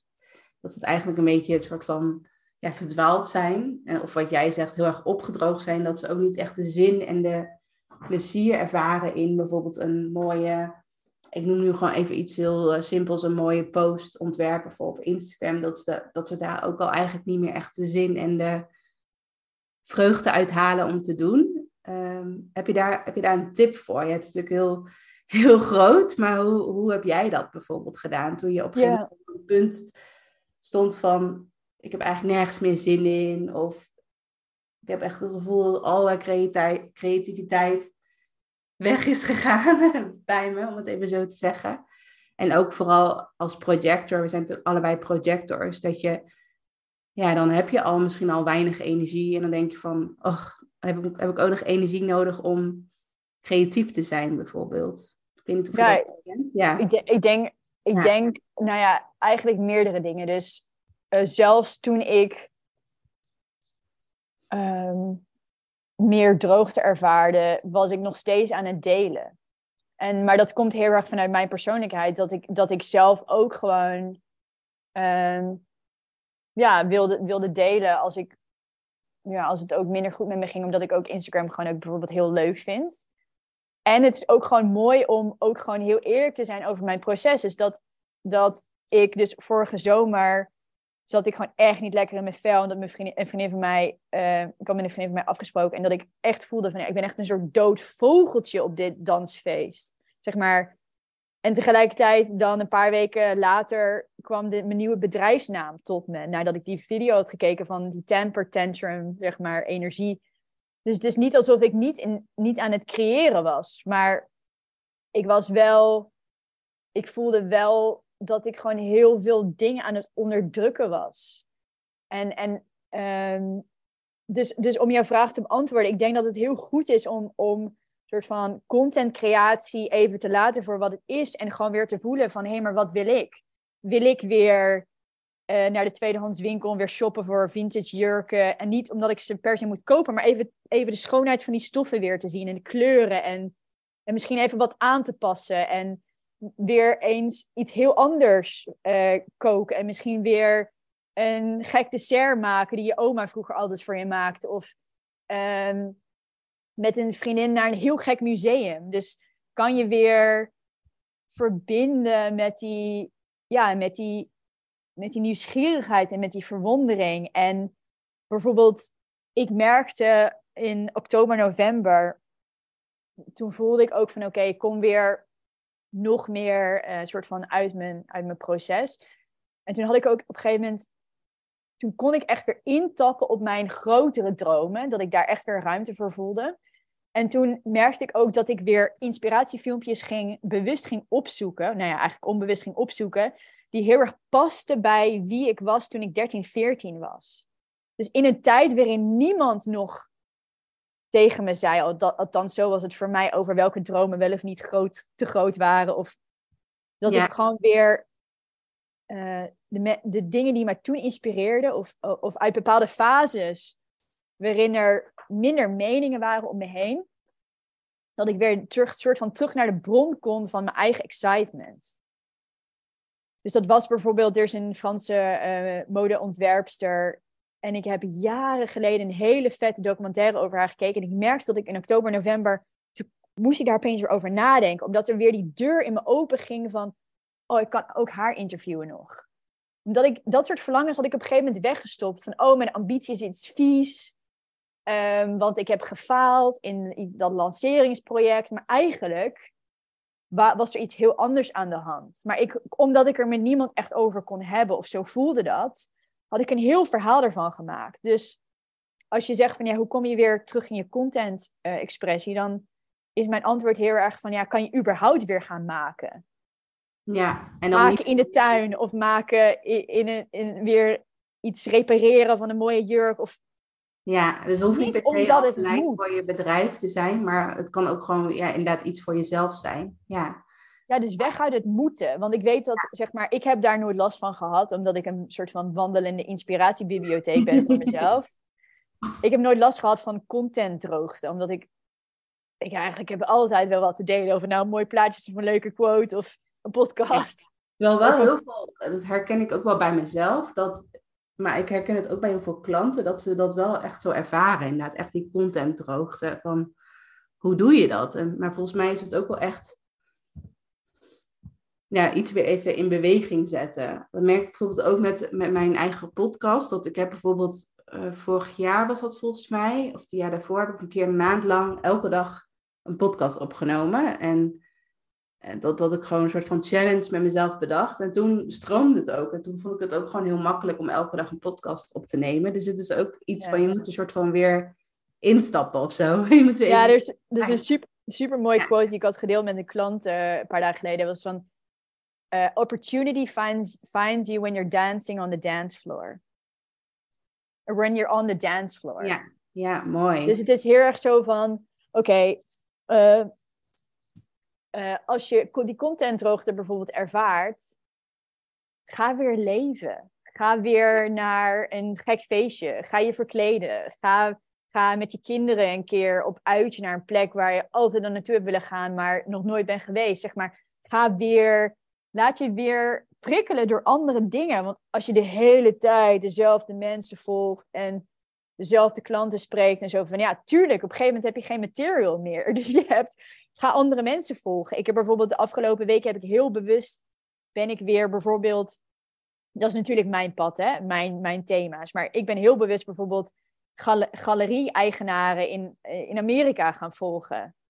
Ja, wat, wat voor. Wat... In een hele andere bubbel ook zit. Hè? Dat merk ik ook op Instagram. Dat je dan op een gegeven moment zo erg in een bepaalde bubbel zit. Dat je gewoon even een soort van weer, dat je even een, soort van hele andere bubbel gaat volgen. Ja, ja, ja precies. En uh, ja, en is het ook echt een bubbel als je er maar twee mensen volgt uit een bepaalde niche. Dus, dus, het is, dus het is echt zo van, oké, okay, ehm, kan je... Ik volg nu bijvoorbeeld ook weer, het, uh, niet ook weer, ik volg nu bijvoorbeeld het mode, modemuseum in Parijs. Een soort van, oh, uh, dit zijn even hele simpele voorbeelden, maar um, ja, logisch als je dat opgedroogde gevoel ervaart. Als je geen soort van, om even in die terminologie te blijven praten, geen nieuwe sappen meer toevoegt in je wereld. je, je, maar, je, er, er is gewoon geen juice meer. Ehm, omdat je gewoon die saaiheid eigenlijk zelf creëert. Ehm, dus kan je inderdaad weer, kan je naar de, bij van spreken, naar de HEMA gaan en een paarse lipstick kopen? Kan je je nagels een keer groen verven? Zeg maar. Het, ja. Dus zit echt in die kleine dingen, waardoor je voelt van, oh ja, ik ben, naar, ik ben met een vriendin naar het museum in Groningen geweest en daar heb ik hele gekke schoenen gezien. En dan kreeg ik weer inspiratie voor mijn post. Um, ja, dus het is echt zo van, kan je je ogen weer openen? En dat is iets waar we het eigenlijk te weinig met elkaar over hebben. Dus vandaar ook de Juicy Revolution. Omdat ik geloof van, hoe meer wij die verwondering weer ervaren, hoe meer we onze creativiteit overloopt, hoe meer we kunnen geven, hoe meer we elkaar weer aansteken, hoe meer vrouwenkracht er in de wereld worden gezet, hoe meer problemen in de wereld er worden opgelost. Ik zie dat echt als een revolutie. Dus hoe meer wij eigenlijk ook zeggen van uh, fuck de maatschappij die zegt dat we eigenlijk niks meer mogen, ik, ik overdrijf hè, maar eigenlijk niks meer mogen zeggen, niks spannends meer mogen dragen, geen gekke make-up meer mogen hebben, mogen we weer ons eigen podium terugpakken en bij wijze van spreken in, glitter, in, in glitters naar de supermarkt. Ja, ja. Van, en niet omdat je niet omdat je soort van zo graag de aandacht van mannen wil hebben. Nee, omdat het leven een feestje mag zijn. Ja, mooi. Ja, dus eigenlijk als ik soort van kort samenvat, dat als je het gevoel hebt dat je ja, niet meer echt thuis bent bij jezelf en ook niet meer echt thuis bent in je bedrijf. En in mijn geval natuurlijk, als je het hebt over een website, dat je je ook niet meer thuis voelt op je huidige website bijvoorbeeld. Ehm, dan is vaak de kern daarvan is wel dat je dan eigenlijk niet meer echt leeft. Dat je dan eigenlijk niet meer... Ja, je bent in wat je zegt. Ja. Dat je niet meer uh, uh, groene nagellak koopt, om het even zo te zeggen. En je doet dat gewoon lekker op. Omdat het gewoon... Ja, dat je, dat je eigenlijk zo erg volgens een bepaald pad aan het lopen bent. Terwijl, ja, neem maar echt je eigen pad. Of ga gewoon even die zijweg in, terwijl de rest uh, rechtdoor loopt. Om het even zo te zeggen. Ja, en, en, ik, en, ik, en dat de website voorbeeld is denk ik een hele goede. Um, en, en dan pak ik hem ook weer even terug naar iets wat je, wat je daarvoor zei. Is zeg maar, een website is bij wijze van spreken als een winterjas. Ja. Het is iets, iets wat je zeg maar in meerdere seizoenen in een bepaalde design draagt. Maar op een gegeven moment voel je van, ik ben een weer een andere vrouw. Soort van, ik heb, ik heb nu bijvoorbeeld, ik, ik, ik, ik, ik, ik uh, um, dat, je, dat je voelt van hé, hey, ik, heb nu, uh, ik heb nu drie jaar lang een uh, blauwe wollen winterjas aangehad. Dat vind ik eigenlijk heel leuk, chic, uh, parisien. Maar ik ben nu eigenlijk toe aan um, een rode jas van Bond, van Nepbond, van, van de kringloop. Omdat ik zin heb in me weer even wat anders voelen. En dit is een, een kant van mij die, die, die ik nu wil voelen en mee wil spelen en kijken wat dat doet in de wereld. En, en ik denk dat er te veel vrouwen zijn die gewoon kiezen voor die, die donkerblauwe of die zwarte jas, terwijl ze eigenlijk gewoon iets anders aan willen, omdat ze eigenlijk een soort van, ja, dus, dus zo'n, en, en, en wat je ook zei van ja, er zijn ook vrouwen die zeggen van ja, in, in een website investeren, ja, het hoeft van mij allemaal niet, want ik DM wel even wat mensen. denk je van ja, hoe lekker is het uh, om een leuke jas te hebben, om een leuke website te hebben, om echt trots te kunnen zijn en, trots een kamer in te lopen en trots te kunnen zeggen op een event van hey, uh, ik heb een nieuwe website, lijkt me superleuk uh, als je aangeeft wat je ervan vond. Want ik ben er echt trots op. Ja. En echt die trots te kunnen ervaren van... En dat is, ook, het is ook een stukje zelfzorg, denk ik. Zeg maar, ja. Ja, veel meer die belichaming inderdaad. Dat ook ook als ik dan terug ga op, terugkijk op design, als je bijvoorbeeld een generate of manifesting generate bent, dan, dan is het nog veel belangrijker dat je echt, dat je, dat je gewoon het enthousiasme, de plezier, dat je dat gewoon echt leeft. Omdat dat mensen gewoon, als mensen je al aankijken of, of een story zien of naar je website kijken, dat ze gewoon voelen van wow, die, die belichaamt dat echt. Die fun, die plezier, die enthousiasme. Uh, waardoor je heel magnetisch eigenlijk wordt voor de, voor de ander. Dus dat is sowieso, ik denk dat dat mega belangrijk is in plaats van heel erg van, inderdaad heel erg in die mannelijke energie van, oké, ik ga een boek kopen over tien tips hoe ik, hoe ik uh, de beste conversie kan halen uit mijn website, om het even zo te zeggen. En dat ga ik allemaal netjes doen en dan zet ik mijn website online. Maar dat je dan eigenlijk, ja, dat zelfexpressie waar jij het zo mooi over hebt, dat dat gewoon helemaal niet mag zijn. En dat je, net zoals als je in een kledingwinkel bent en je kijkt naar een winterjas, dat je dan toch weer voor die zwarte jas kiest of voor die donkergrijze jas kiest. Toch, ja, als je het dan hebt over kleuren, dat het toch een bepaalde bescherming is, of een bepaalde veiligheid is van, oké, als ik deze zwarte jas aandoe, als ik deze zwarte jas koop, dan kan ik me in ieder geval, dan voel ik me in ieder geval veilig in deze jas. Of dan kan ik in ieder geval gewoon mezelf beschermen. En dan hoef ik mezelf niet te laten zien. Ja, en ik, en ik, denk, ik denk ook, en dat is denk ik ook de, de, de schoonheid van dat ik dus in vier verschillende landen heb gewoond, is dat ik ben opgegroeid in Nieuw-Zeeland. En in Nieuw-Zeeland zeg maar, heb je, heb, ben ik niet opgegroeid met die, uh, iedereen heeft dezelfde e-spec en dezelfde G-Star broek. Nee. Oh, ja.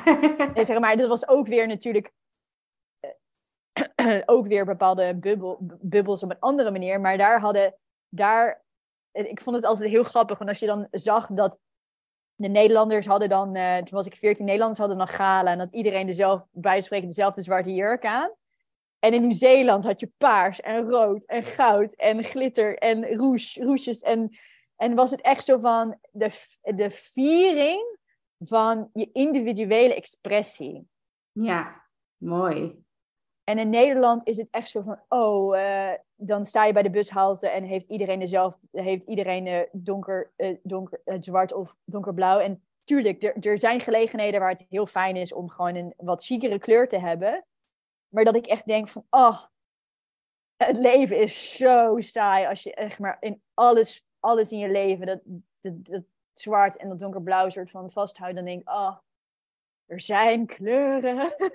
Gewoon als symboliek van, ja, mag het weer wat wilder, mag het weer wat speelser, mogen we gewoon dingen doen voor de leuk. Uh, kan je inderdaad een gekke jas voor 5 euro op de kop tikken bij de kringloop, waar je lekker één keer in de week je helemaal bijzonder in voelt. Ehm, ja, mooi. mooi ja. Dat, het hoeft dan niet per se duur te zijn. Ja. Nee. Ja. En ik heb eigenlijk nog ja, twee vragen. Of, één, of de laatste vraag is meer een afsluitende vraag. Maar als ik er dan nog wat dieper mag induiken op de ja, energietype projector, wat we allebei zijn. Dan merk ik wel eens bij mezelf dat en dat zie ik ook wel bij mede-projectors die ook, uh, ook klant van mij zijn, is dat omdat een projector, het aura van een projector is natuurlijk heel erg gefocust op de ander. En als je eigenlijk te veel focust op jezelf, uh, op je eigen bedrijf bijvoorbeeld, um, dan merk ik wel eens bij mezelf dat ik daar juist dan weer op vastloop. Dus als je het dan hebt over die creativiteit die eigenlijk soort van stopt met stromen, ik weet niet of je je daarin herkent, dat je als mede-projector, dat je soms voelt van, oh, ik zit nu toch te veel op mezelf te focussen. Uh, als ik even weer contact heb met een klant of met iemand in de DM, of uh, dat je inderdaad iemand gaat volgen. Uh, inderdaad, wat je zegt, ik ga een totaal iemand anders volgen op Instagram bijvoorbeeld, om even weer die inspiratie te voelen. Hoe, hoe, hoe zit dat bij jou? Ja, er is zo'n super grappig meme plaatje. Um, ik weet niet of je die hebt gezien. Dat is dan uh, Patrick van SpongeBob. Uh, die, de, de, is er zo'n, volgens mij is dat van de, van de uh, pagina Projectors Invited. Of, nou ja, het maakt het op zich niet uit. Maar dat is een hele grappige, grappige meme. Dan zie je zeg maar Patrick um, um, van SpongeBob, zeg maar, heeft dan een microscoop waarin die soort van helemaal gefocust is. En dan staat er zo van projector solving other people's problems. Dus, dus zeg maar helemaal ingezoomd en helemaal, hoe zeg je dat? Helemaal in een element. En dan daaronder staat de projectors trying to solve their own problems. En dan zie je een soort van een stuk hout en een spijker in zijn eigen voorhoofd. um, Dus dat de projector inderdaad heel erg is om een, ander, een, een anders energie te gidsen en niet per se die van zichzelf. Um, ja, dus Maar dat is Ja. wel aan de ene kant wel een, een lastige, of ja, ook, het klinkt ook weer heel logisch. Maar als we het dan hebben over zelfexpressie, dan voelt het dan wel ook wel weer een beetje dubbel soms. Ik weet niet, heb je dat, dat je een soort van error krijgt van, Maar zelfexpressie is echt iets anders dan je, zelf coachen, toch? nee, ja, dat, ja, het is meer denk ik, wat ik meer bedoel is dat bijvoorbeeld, als ik bijvoorbeeld een klant heb en die is bijvoorbeeld bezig met haar eigen aanbod bedenken. Ehm, wat ik dan wel heel tof vind van jou, van als je juist echt die zelfexpressie omarmt en echt die creativiteit omarmt, dan komt er vanzelf ook een aanbod op je pad wat je graag zou, ja, wat je zou willen gebruiken voor je bedrijf. Maar het kan ook zo zijn dat je zo erg gefocust bent van oké, ik wil mijn eigen aanbod bedenken. Dus dat je zo erg soort van ingezoomd bent op jezelf, dat je daar dan weer helemaal op vastloopt. Ja, ik, ik denk voor mij, Voor een lijntje is het ergens, ja. voor mijn gevoel heeft het ook gewoon heel erg te maken met als je je dus alleen, als je alleen maar saaie aanbod, aanbod dingen van andere mensen con- consumeert, dan is dan tuurlijk voelt dat heel droog. Ja, Ehm, maar als je begint met een blanco canvas van we laten alle regels los van, van, van duratie en, en van om, zeg maar, van hoe iemand contact heeft en, en, je, en, je, en je gaat weer vanuit daar spelen, dan komt er iets heel anders uit. Maar als je je gaat spiegelen aan, aan, wat iedereen doet en wat heel vaak ook heel saai is, ja, dan, dan, is, dat, dan is dat helemaal niet voedend. Maar als, als, als je zeg maar als, als ondernemer niet meer gewend bent om echt een blanco canvas voor je neus te hebben, dus echt een blanco vel om te schilderen, of, een, ehm, of, of dat je een, een ba- eh, taartrecept zelf gaat vormgeven of zo. Als je niet meer gewend bent om echt zelf die regie helemaal te hebben, dan kom je in dat kopieergedrag. En, en daar zit gewoon heel weinig verwondering en plezier in. Dus het, dus het vraagt echt van, hey, kunnen we tappen uit andere bronnen? Kunnen we echt beginnen met de blanco canvas? En welke dingen voelen als een gegeven, maar kunnen we daar juist eh, iets anders mee? En, en vanuit, daar, ehm, vanuit daar echt kijken. Ehm, ja, ik snap hem denk ik wel. Dat je, dat als je bijvoorbeeld zoekende bent naar je aanbod, dan is het toch vaak dat je, ehm, als we dan weer even teruggaan waar we, waar we het net over hadden, dat je dan toch inderdaad het gevoel hebt van, dat je heel erg naar de, naar ja, de alsof... kijken bent van wat moet ik doen? En dan zie je vijf opties voor je van andere ondernemers die je kent. Ik zeg maar even wat. Ja, dus als, dus iedereen, dus als, als een aanbod een blauwe of een zwarte jas is, dan ben je dus aan het kijken van, oh, hoe kan ik, eh, ik zie allemaal blauwe en zwarte aan, aanboddingen, hoe, wat, hoe, hoe, wat kan ik hier iets gezelligs mee maken? Ja, dat kan niet. Nee, nee. Dus de vraag is echt zo van, oké, we gaan naar een stoffenwinkel. Wat voor stoffen zijn er allemaal? Laat me weer verwonderen. Dus, Ja. dus, dus Dat dat, eigenlijk het heel erg weer, weer terug naar je kern gaan elke keer. Dat gevoel ook heel erg. Dus als je, dat is misschien ook wel de valkuil van projectors, dat je dan zo erg soort van gefocust bent op de ander. En heel erg, bijvoorbeeld heel erg naar je concurrentie kijkt of naar bepaalde coaches kijkt.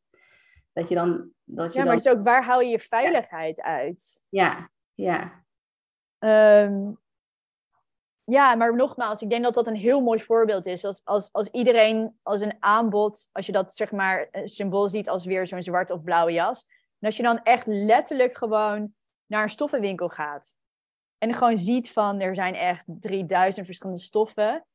En zeg maar vanuit die inspiratie. Ik heb dat ook een keer in, in mijn betaalde nieuwsbrief gedeeld. Van, ehm, eh, had ik bijvoorbeeld de Vogue covers gebruikt als verschillende ingangen tot inspiratie. Maar dat kan je natuurlijk ook met stoffen doen. Van oké, hoe word je geraakt door een stof met gaten? Hoe word je geraakt door iets wat doorzichtig is? Hoe word je geraakt door, iets wat heel erg gelaagd is? En op die manier weer ge- geïnspireerd te raken van oké, wat kan ik van deze stof leren over aanbodcreatie? Dus dat je het echt gebruikt als spiegel. Eh, mooi.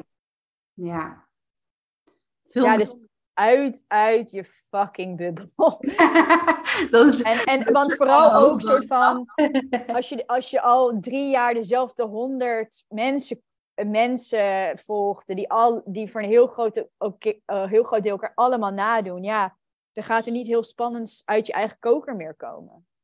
Nee, nee, nee. En ik merk dat ook wel heel erg bij mezelf. Van, um, ik heb bijvoorbeeld wel eens nou, mijn bedrijf bestaat ook al een tijdje en ik heb wel eens een, een business coach gehad. Niks tegen business coaches hoor, maar dat je dan bijvoorbeeld een half jaar met iemand meeloopt of meereist als het ware. En, en de business, business coach heeft een bepaalde strategie. Dan merk ik wel heel erg bij mezelf, maar ook als projector. Ik denk dat het bij projectors nog meer geldt. Dat je dan op een gegeven moment uh, ja, dat je dan heel erg probeert van, oké, ik moet dan in die zwarte jas inderdaad, om het even zo te zeggen.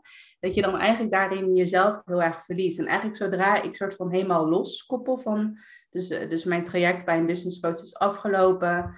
Um, ik, ga, ik laat Instagram gewoon even links liggen. Ik ga er niet zoveel meer op kijken. Ik ga even helemaal zo in mijn eigen, eigen creatiebubbel stappen, om het even zo te zeggen. Dan, dan stroomt het ook gelijk weer. Om gewoon echt heel bewust te kiezen van, mag ik echt mijn eigen pad lopen? Ja, mooi. Ja, en, en dat, is, dat is ook de reden waarom ik ook, denk ik ook heel blij ben met de business muse zijn. Ja, want dat mijn rol is heel erg van hoe kan ik jou weer aanzetten vanuit jouw eigen bron. Zodat jij eigenlijk voor de rest van je leven weer begrijpt hoe je daarbij kan. Dus als, je, als je bij wijze van spreken over drie jaar wel in droogte komt, Um, door, doordat, je, doordat er misschien iets is gebeurd privé of, of weet ik veel, je hebt, bent een beetje in een sleur geraakt, dat je dan weet van hé, hey, het, is, het kan zo simpel zijn als um, naar een heel gek museum gaan met een vriendin. En weer even te voelen van, wow, dit is lijpe ja. ja. En, ik, en ik, ik, maak het nu even heel klein, maar als, als iemand inderdaad gaat zeggen van, oh, dit zijn de tien conversiedingen voor je website. En, je daar, en, je, en die website dus zo droog wordt en zo zwarte jasserig, dat jij dus niet meer die website wilt delen, omdat alle ziel en zaligheid is eruit. Dan, dan, dan sta je gewoon weer 4-0 achter. En, en mijn werk is echt, hoe kan ik weer de ziel en de zaligheid in je hele leven stoppen? zodat, zodat alles een bron van inspiratie wordt. Niet dat, dat het, hoeft, het, dat hoeft te zijn, maar dat, het, dat dat wel zo kan zijn. Dus dat je je echt verwondert door de vraag uh, die je zoontje stelt. En dat je denkt, wow, dit is zo boeiend. En dat je misschien een week later, als je op kantoor bent, denkt van, oh, ik denk dat ik daar wat mee ga doen. Ja, mooi. Dat echt, en, en ik zag dat ook voorbij komen bij een uh, cabaretier in Amerika, dat hij zei van, everything is material. Um, dat alles materiaal kan zijn voor, voor, voor, voor je aanbod, voor je content. Maar dat is een, maar dat is een, en dat is een blik. Um, ja. Mooi. Ja, ik vind ook, ja, ja, ik vind ook als mensen het gevoel hebben van oké, ik sta nu een klein beetje in die droogte, om het even zo te formuleren, dan raad ik, raad ik je sowieso aan om Anne te gaan volgen op Instagram. Alleen al krijg je, wat je gelijk soort van geprikkeld. Want ik merk heel erg, als ik het dan even op mezelf betrek, ik heb eigenlijk een heel creatief beroep, om het even zo te zeggen. Maar omdat ik al zo lang in het ondernemerschap zit, voelde ik, voelde ik gewoon van dat ik inderdaad mijn creativiteit een beetje kwijt was. Maar dat ik ook voelde van, oh ja, het websites maken vind ik eigenlijk ook niet meer zo heel leuk meer. Ehm, en dat is voor mij echt wel een teken van dat ik dan eigenlijk eh, te lang eigenlijk in die zwarte jas heb gelopen, om het even zo te zeggen. Ja, en dat mensen ook een zwarte jas van je gaan vragen. ja, ja, en dan als ik dan zo naar jouw stories kijk, en ik ben dan ook, ik heb dan ook jouw uh, uh, Bite of Books, spreek dat goed uit? Bite of the Books, ja. Bite of the Books, uh, daar, daar dat is, laat maar zeggen, voor een laagdrempelig bedrag. Dan krijg je ja, allemaal inspirerende mailtjes van jou met hele mooie vragen en mooie visuals. Gewoon één grote creatiebom, om het even zo te zeggen krijg je. En ik voelde gelijk van als ik dan naar jouw mails kijk of als ik naar je stories kijk op Instagram, dan voel ik gewoon weer van, oh ja, hier, hiervoor doe ik het. Of hiervoor ben ik eigenlijk ondernemer geworden. Eh, letterlijk weer een soort van mijn eigen creativiteit aanzetten, weer die activatie aanzetten. En dat kan, ja, dat kan soms gewoon alleen al zijn door een bepaalde vraag die je stelt. of bepaalde visuals uh, laten zien. Dus dat, daar wil ik gewoon ook heel erg voor bedanken. Dat jij echt zo'n space eigenlijk creëert online waarin dat gewoon helemaal mag zijn. En waar je andere mensen daarin ook echt ja, weer, weer een soort van mag heractiveren van zet die creativiteit-knop uh, maar weer aan, want dat zat eigenlijk al altijd al in je. Ja, ja. Ja, ja nee, nee, en, en ik denk om, om, een, om, um, om, om, om samen ook af te ronden van... We hebben denk ik eigenlijk nooit echt heel erg bewust geleerd om bij die bron te blijven. Want ja, je mag eigenlijk pas schilderen als je echt goed bent. En je mag eigenlijk pas, uh, uh, weet ik veel, je zo kleden als je echt een modeblogger bent of zo. Van nee, alle opgelegde regels laten varen. En gewoon voelen van, hé, hey, hoe wil ik expressie geven aan mezelf? En, en op een gegeven moment kom je, ja, wordt dat zo erg weer de norm dat je niet meer terug kan. Ja. En dat je ook weet hoe dichtbij het weer is.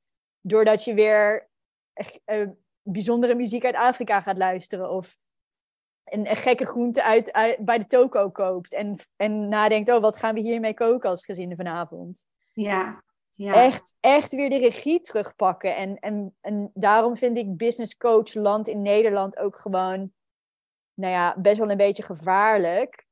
In de zin van Nee, het gaat niet over strategieën en tactieken. Het gaat erom, ben je trouw aan je eigen energiebron en, en heb je een energetische visitekaart waar mensen denken, wauw, wat een leuke vrouw of man. Ik wil met diegene werken, omdat ik aanga van waar zij voor staan. Want het maakt niet uit hoe goed je SEO is, het maakt niet uit uh, hoe, hoe duur je fotoshoot was. Als mensen voelen dat jij doodse ogen hebt, omdat je niet achter meer staat wat je doet, ja, gaat niet verkopen. Nee, mooi. Mooi. Terug naar de Radiant Woman. ja, ik weet niet, heb je, nou, je hebt natuurlijk al heel veel gezegd. Maar is er nog iets wat, je, eh, wat ik ben vergeten te vragen? Of heb jij misschien nog een hele mooie vraag voor de luisteraars? Want daar ben jij echt heel goed in. ik weet niet of je dat zo on the spot kan uh, bedenken. Maar ja, waar, waar zou jij graag mee willen afsluiten? Ja, ik, ik denk, ik denk de, de uitnodiging om nadat je deze podcast dus hebt geluisterd, om vandaag nog iets te doen waarmee je blik verbreedt, je laat verwonderen, iets nieuws uh, gaat proeven. Uh, je hoeft niet per se iets te kopen, maar mocht je dat wel willen kopen, koop iets waardoor je denkt van, wat heerlijk dat ik nu waterverf in huis heb. Wat heerlijk dat ik nu een super raar ijsje heb geprobeerd. Ga weer spelen met het leven. En uh, tag ons, alle twee, uh, om te delen wat je hebt gedaan. Zodat we echt vanuit die Juicy Revolution ja, uh, elkaar kunnen inspireren. En op die manier ook nog meer thuis kunnen komen in ons vrouw zijn. En in die super grote creatiekracht die wij in ons hebben, die ingedampt is en die er gewoon weer uit wil.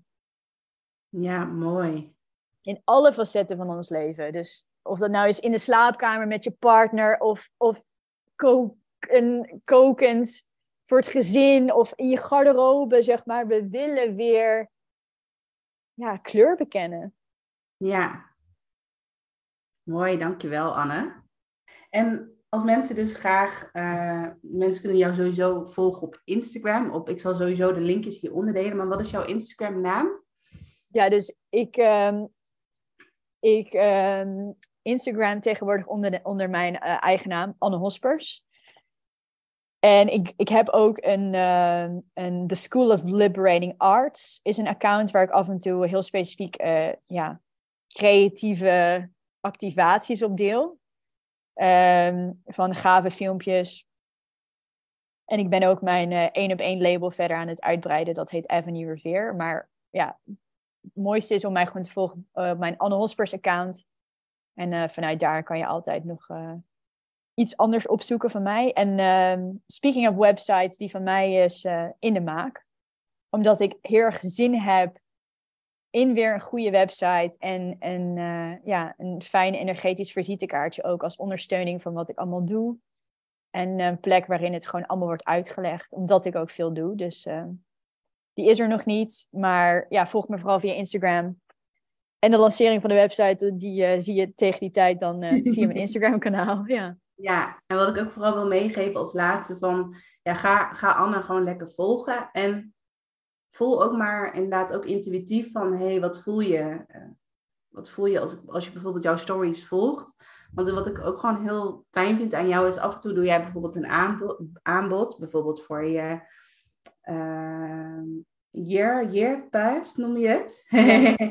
Ja. dat, of, of dat iets anders voorbij komt. Dus af en toe doe je ook heel intuïtief een aanbod van dat je gewoon kan reageren in een DM. Dus voel ook, ja, voel ook gewoon in je lichaam uh, voor de luisteraars van hey, hier, hier heb ik zin in. Of ik voel, hey, ik voel hier soort van die enthousiasme vanuit mijn onderbuik borrelen.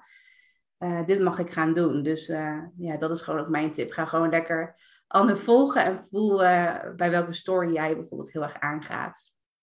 Ja, dus ik, om, om nog even iets concreter te maken. Ik deel quotes, ik deel modeplaatjes, ik deel muziek, ik deel podcast. Um, ja, van alles. En daarin laat ik mezelf helemaal vrij. En soms deel ik een soort van uh, eh, 60 stories op een dag. En soms zijn het er drie. En uh, het is mijn feestje. En als iemand mij even wil ontvolgen, dan kan dat. Um, en als ze weer terug kunnen, willen komen, is het welkom. Maar ik, um, ja, ik volg nul regels in mijn stories. En uh, daarom is het altijd spannend. Ja, leuk. leuk. Nee, heel erg bedankt, Anne. En ja, wij kletsen sowieso lekker verder weer in de DM. Uh, en dan wil ik de luisteraar ook heel erg bedanken voor het luisteren. En dan wens ik jullie allemaal nog een hele fijne dag. Hele creatieve dag toegewenst. En uh, vergeet ons niet te taggen wat je gaat doen vandaag. Doei doei!